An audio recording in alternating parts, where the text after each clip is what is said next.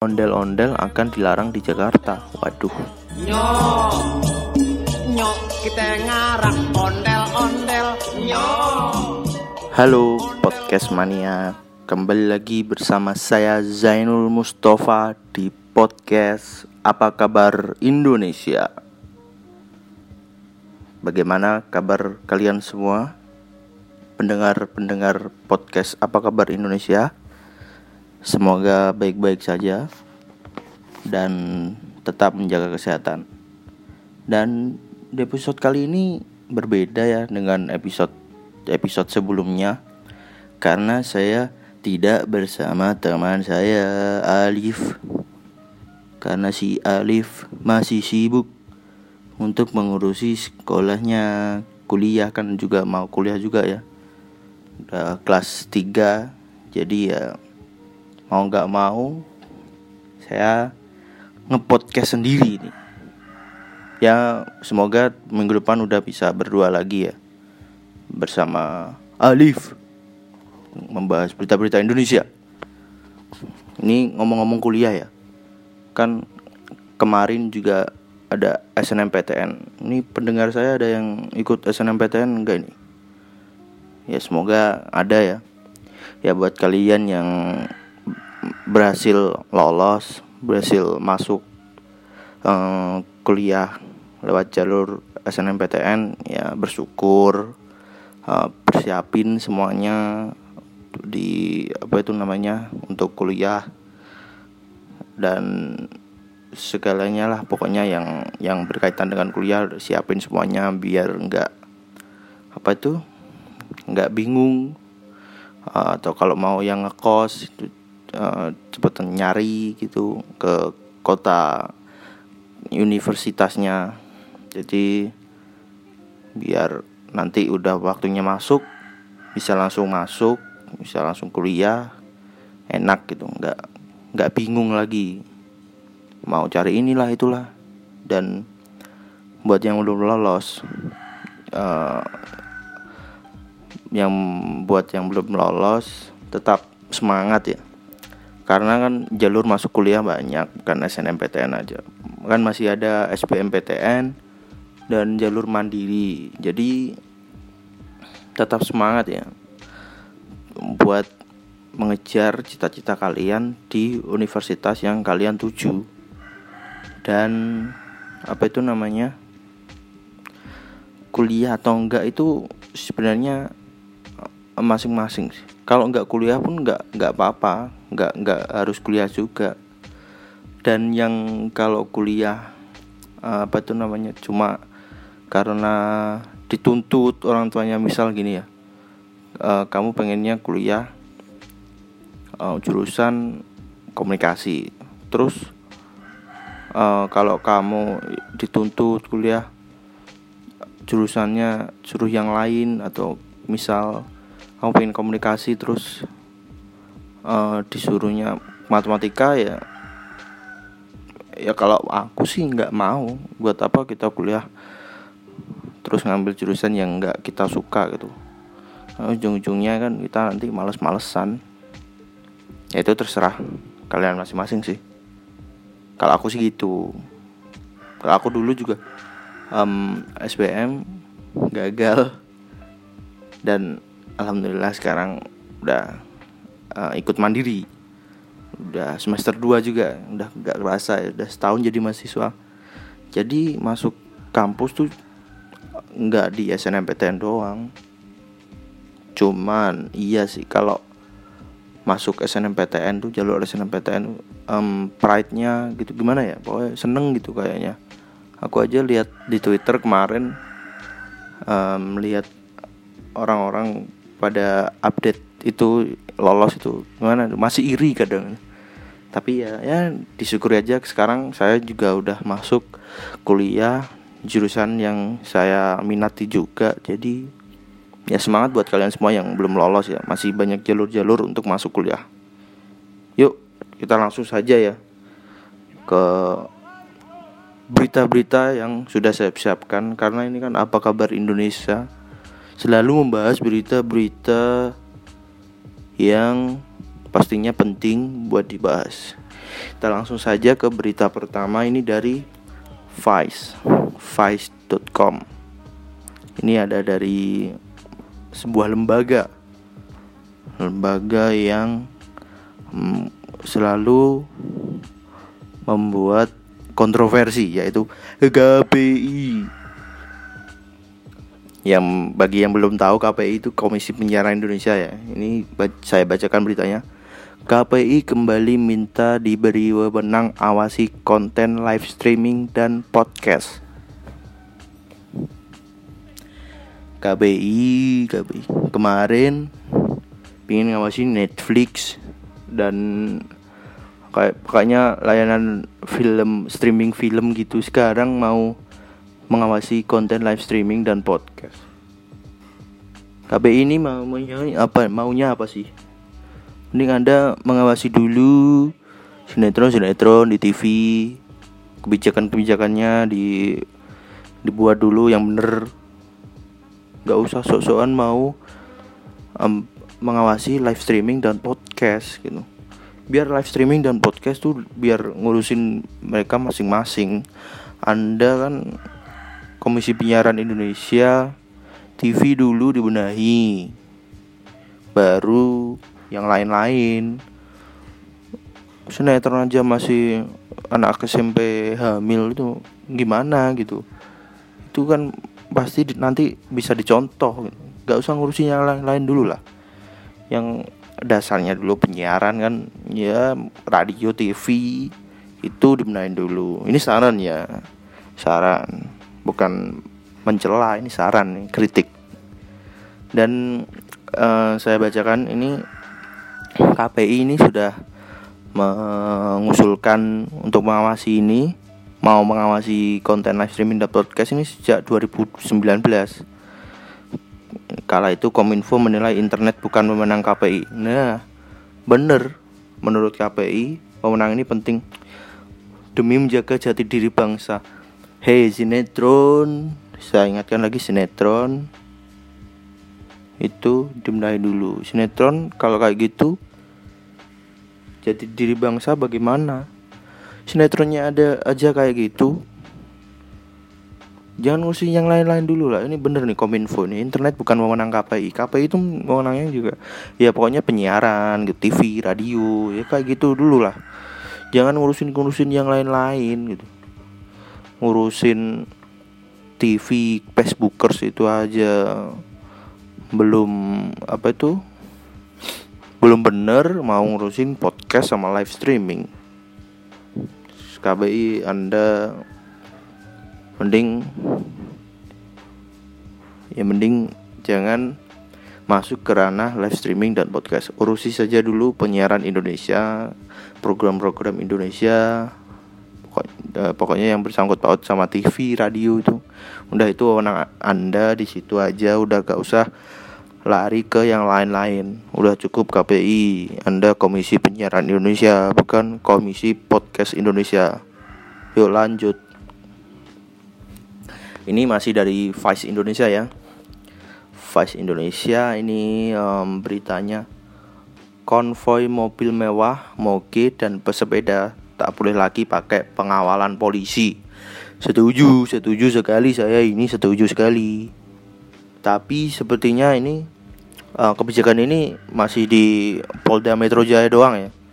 Wilayah lain belum tentu sama. Ini seharusnya harus satu Indonesia. Kenapa saya setuju? Karena saya tuh uh, waktu dulu dulu ya waktu berangkat ke, uh, ke Malang gitu lewat Batu Batu kan jalannya kecil terus ada rombongan moge gitu. Rombongan moge depannya ada polisi. Moge kan udah namanya kan moge pasti kan gede kan. Itu kan kalau jalan raya masih memaklumi lah. Masih lebar gitu kan minggir gitu kan.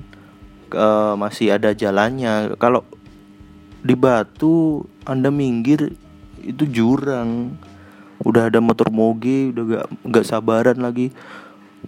Kan kalau ada polisi kan jadi kan kita minggir kan. Peraturannya kan gitu. Kalau ada kayak ada polisi atau ambulans kan kita harus mendahulukan yang penting. Kalau kalau konvoi mobil mewah moge kan nggak penting sama sekali. Itu kan cuma kepentingan organisasi. Cuma anda pengen sampai di tujuan dengan apa waktu yang pas yang udah ditentukan sama uh, organisasi anda ya, saya setuju sih. Ini uh, harusnya satu Indonesia harus kebijakan ini harus dibuat ya.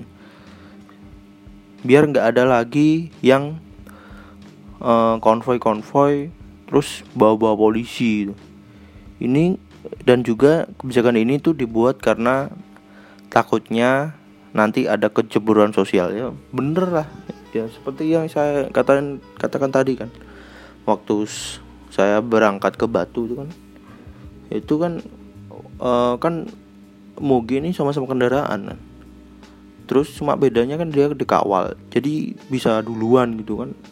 Kita kan juga pengguna jalan sama-sama bayar pajak sama-sama harusnya kan sama-sama menikmati jalan ya.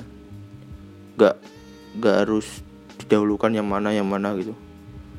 Saya setuju sekali ini kebijakan ini. Semoga Polda Jatim Polda Jabar seluruh seluruh Indonesia pokoknya harus nerapin ini ya. Biar nggak ada lagi konvoy-konvoy yang hanya memperdulikan organisasinya sendiri seperti Mogi atau pesepeda atau yang lain lah.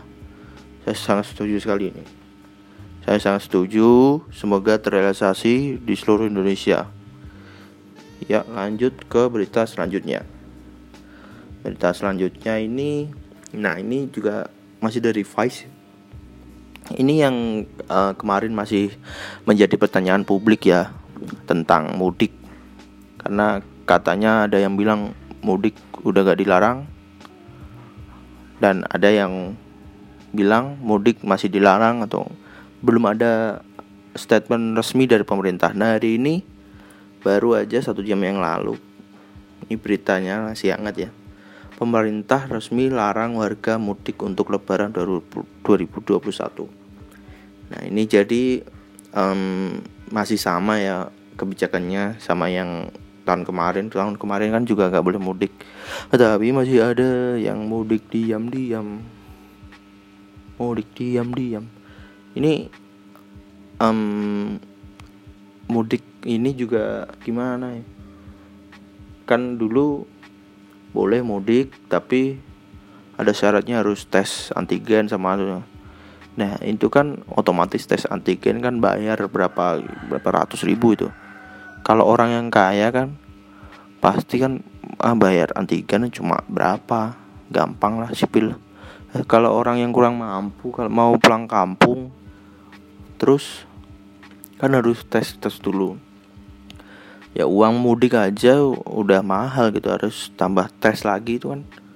Malah tambah mahal lagi ya. Jadi jadi tadi saya baca dari komen gitu. Uh, dilarang hanya untuk yang miskin yang kaya bu. Tetap boleh mudik. Ya ya ya ya gimana ya? Emang kenyataannya gitu kan sekarang kebijakannya kan harus gitu dulu. Harus pakai surat antigen harus tes dulu negatif. Itu kan otomatis orang yang kaya yang bisa bayar tes tes seperti itu. Kecuali tes tes seperti itu gratis itu mungkin bisa semua kalangan untuk mudik. Ya saya tidak tahu lagi pemerintah ini peraturan ini. Hmm.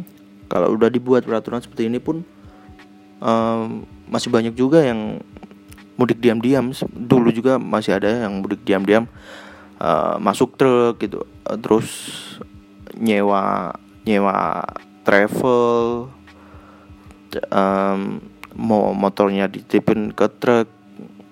Ya banyak lah. Ya jadi pemerintah ini juga harus tegas gitu. Jangan larangan ini hanya untuk orang-orang yang miskin aja. Maksudnya ya yang kayak gitu tadi yang saya bilang. Kan kalau ke um, biasanya nanti ini setelah ini pasti ada berita gitu. Boleh mudik asal ada suratnya atau gimana gitu. Kan itu otomatis kan harus tes dulu kan ya. Kan tes dulu itu bayar. Jadi pemerintah ini harusnya lebih bijak lagi lebih sigap lagi ya. Nanti um, tidak tebang pilih gitu. Tidak yang yang kaya kaya dilewatin di, dibolehin mudik. Nanti yang anu nggak boleh ya. harus tegas gitu. Jangan pilih-pilih. Dan keputusan ini, ini diambil karena karena tren covid penularan covid ini masih tinggi setelah perpanjang.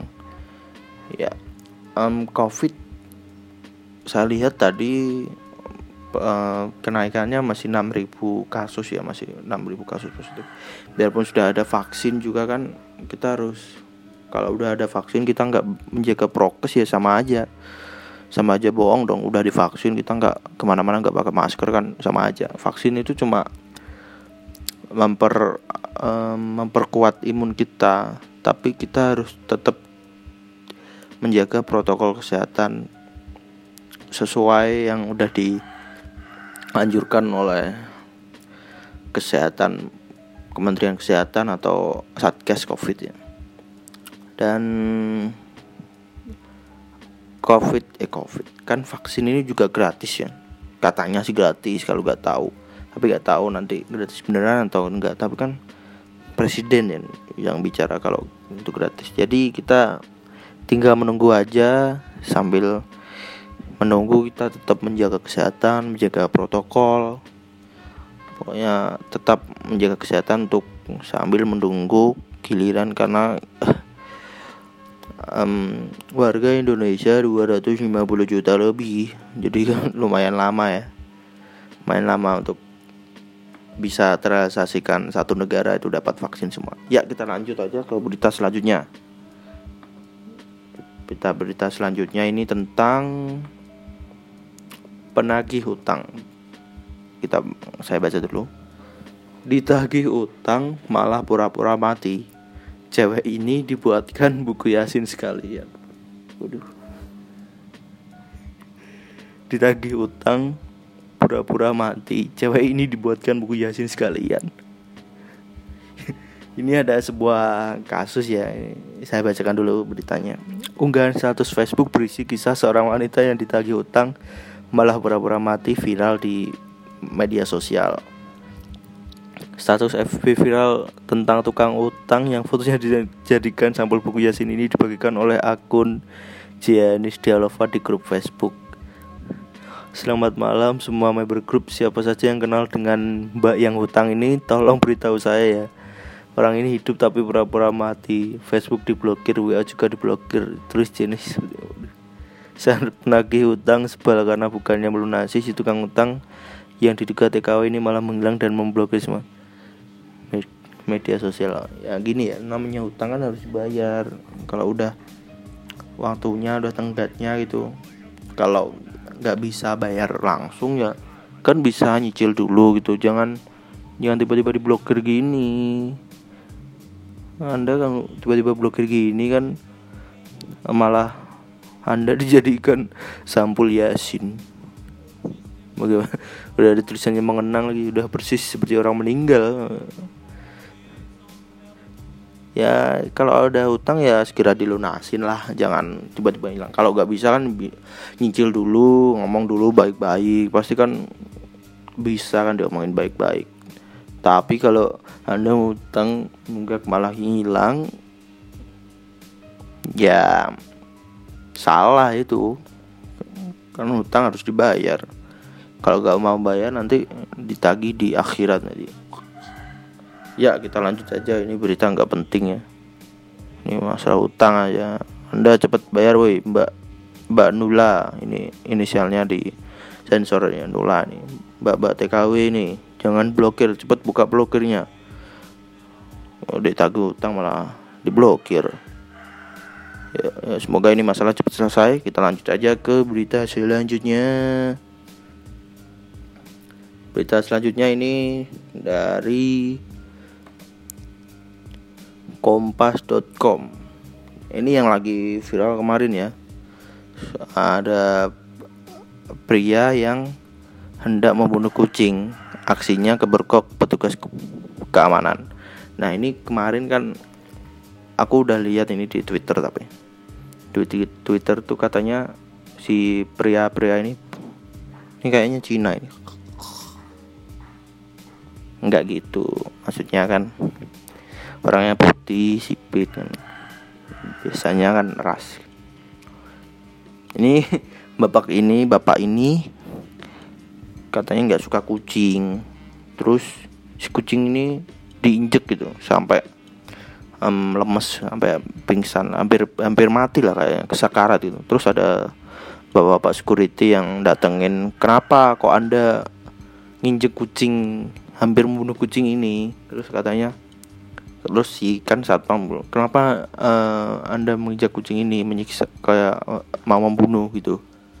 Terus sis terus si mas-mas yang menginjak ini saya membunuh bukan menyiksa. Definisi membunuh sama menyiksa itu kan sama-sama menyakitkan ya. Maksudnya kalau kalian contohnya disiksa sama dibunuh cuma bedanya dibunuh kan langsung nggak kerasa apa tuh namanya.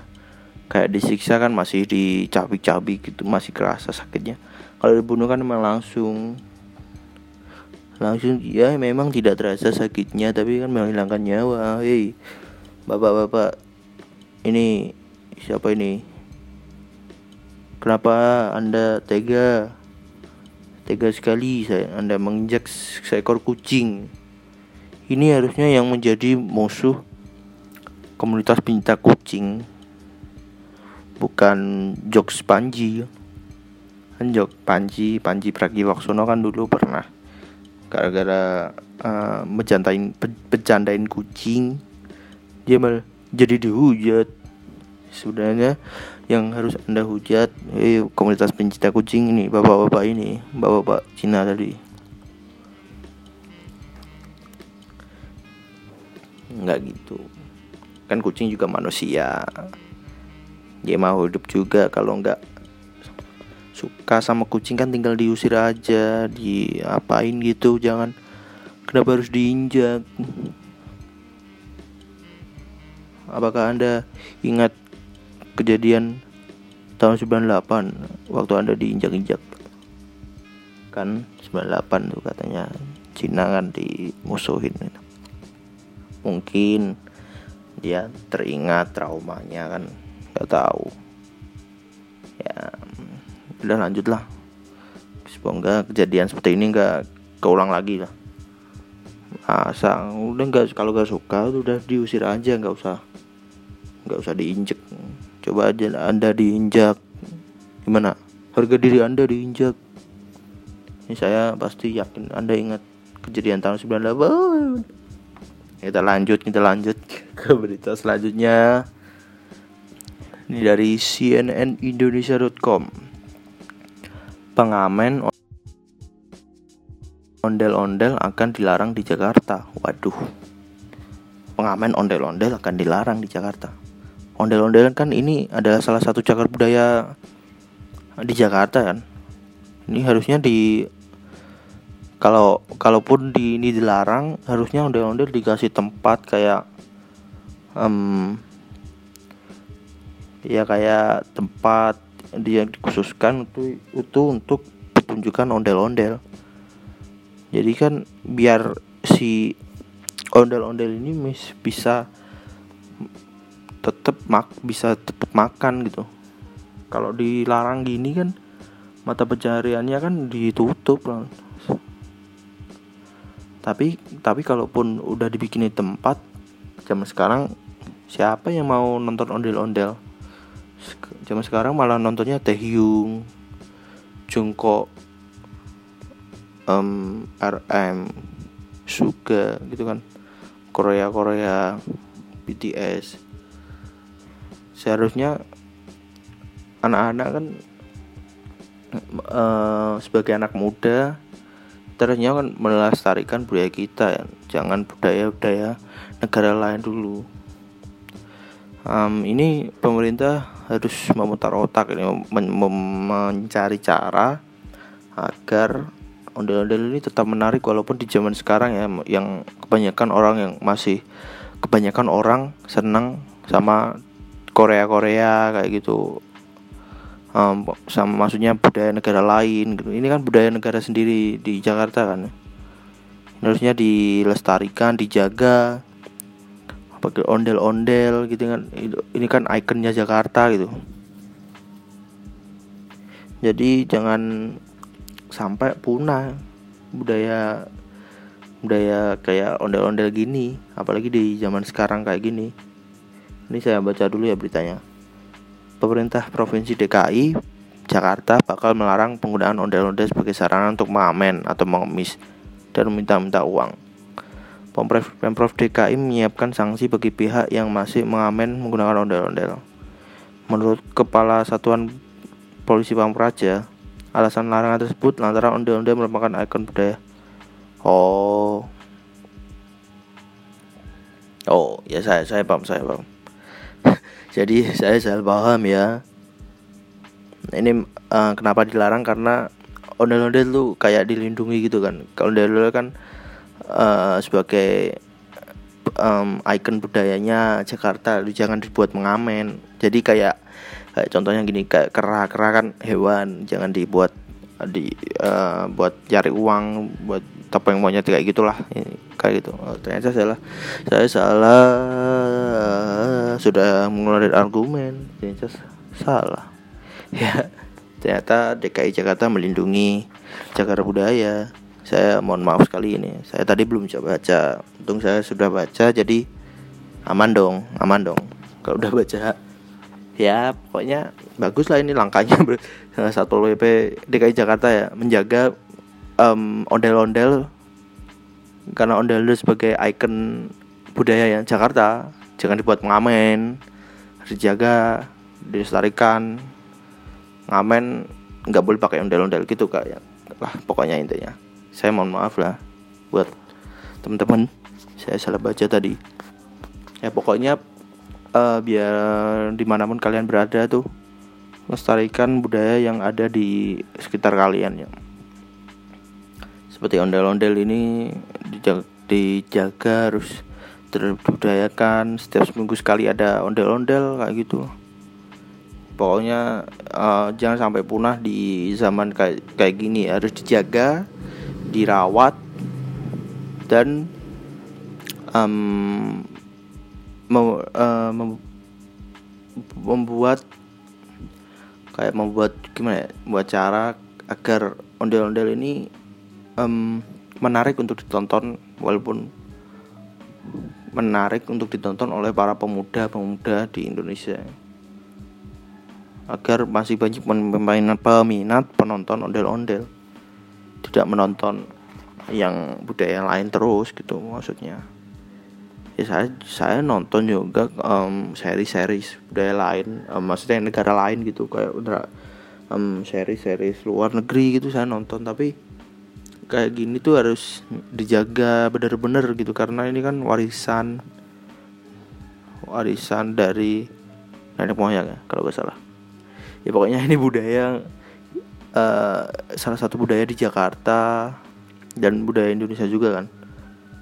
Jadi harus dijaga benar-benar jangan disalahgunakan buat mengamen ini ya. Tadi saya salah ternyata ini karena dilarangnya karena um, ini adalah uh, uh, adalah apa itu namanya? Ondel-ondel kan ikon budaya Betawi jadi gak boleh dibuat mengamen. Nggak boleh dimanfaatin yang lain-lain maksudnya gitu. Ya udah kayaknya gitu aja sih untuk episode kali ini. Buat kalian semua yang udah mendengarkan episode kali ini um, terima kasih. Semoga minggu depan saya sudah bisa uh, bersama lagi dengan Alif membuat podcast ya. Terima kasih buat semuanya yang sudah mendengarkan dan jangan lupa share ke teman-teman kalian ke Instagram ke WhatsApp. Kalau deng lagi dengerin terus mau share ke Instagram jangan lupa tag juga Instagramnya podcast apa kabar Indonesia ya. Instagramnya ya podcast apa kabar Indonesia itu. Saya sangat mengapresiasi mengapresiasi sekali buat kalian yang sudah mendengarkan sampai habis. Terima kasih buat kalian semua yang sudah mendengarkan. Dan Sampai jumpa di episode selanjutnya. Nyok kita nonton ondel-ondel. Nyok. Nyok kita ngarak